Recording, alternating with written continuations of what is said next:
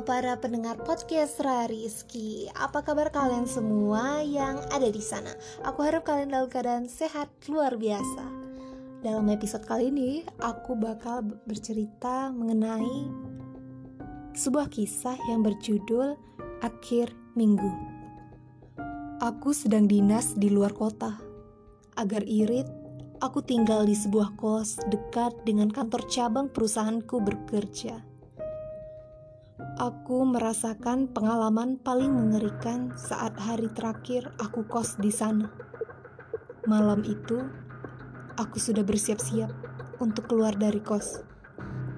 Setelah semuanya beres, aku masih memperhatikan sekitar. Takut ada yang ketinggalan. Kemudian, aku mendengar ada ketukan dari depan kamar aku melihat seorang gadis mirip putri pemilik kos. Dia memberikan suku sebuah roti, tapi dia tak berkata apa-apa. Aku ucapkan terima kasih. Kemudian dia langsung pergi begitu saja. Tak aku pedulikan, aku pun bersyukur diberi makan. Mumpung aku lapar. Namun anehnya, rasa roti itu aneh saat aku buka isinya, ternyata ada seekor ulat dalam roti itu. Sontak aku melempar roti itu. Terkejut, aku bingung. Kenapa mereka memberiku roti busuk? Padahal satu minggu ini mereka baik-baik saja dengan aku. Malam pun tiba. Aku merasakan ada yang memperhatikan diriku.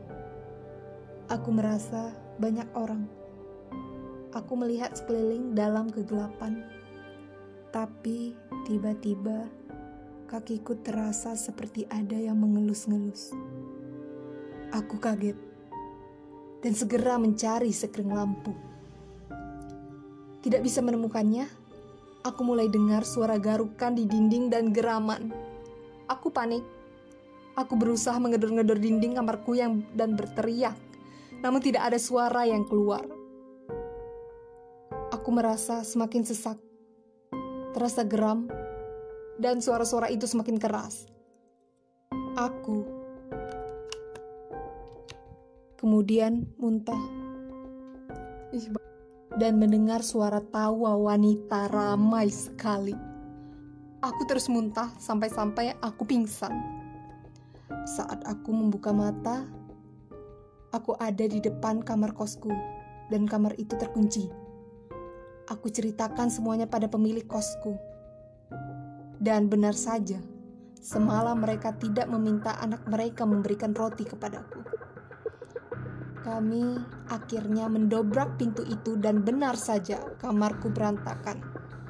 Barangku penuh tanah, lantaiku ada darah dan seperti cairan yang menjijikkan.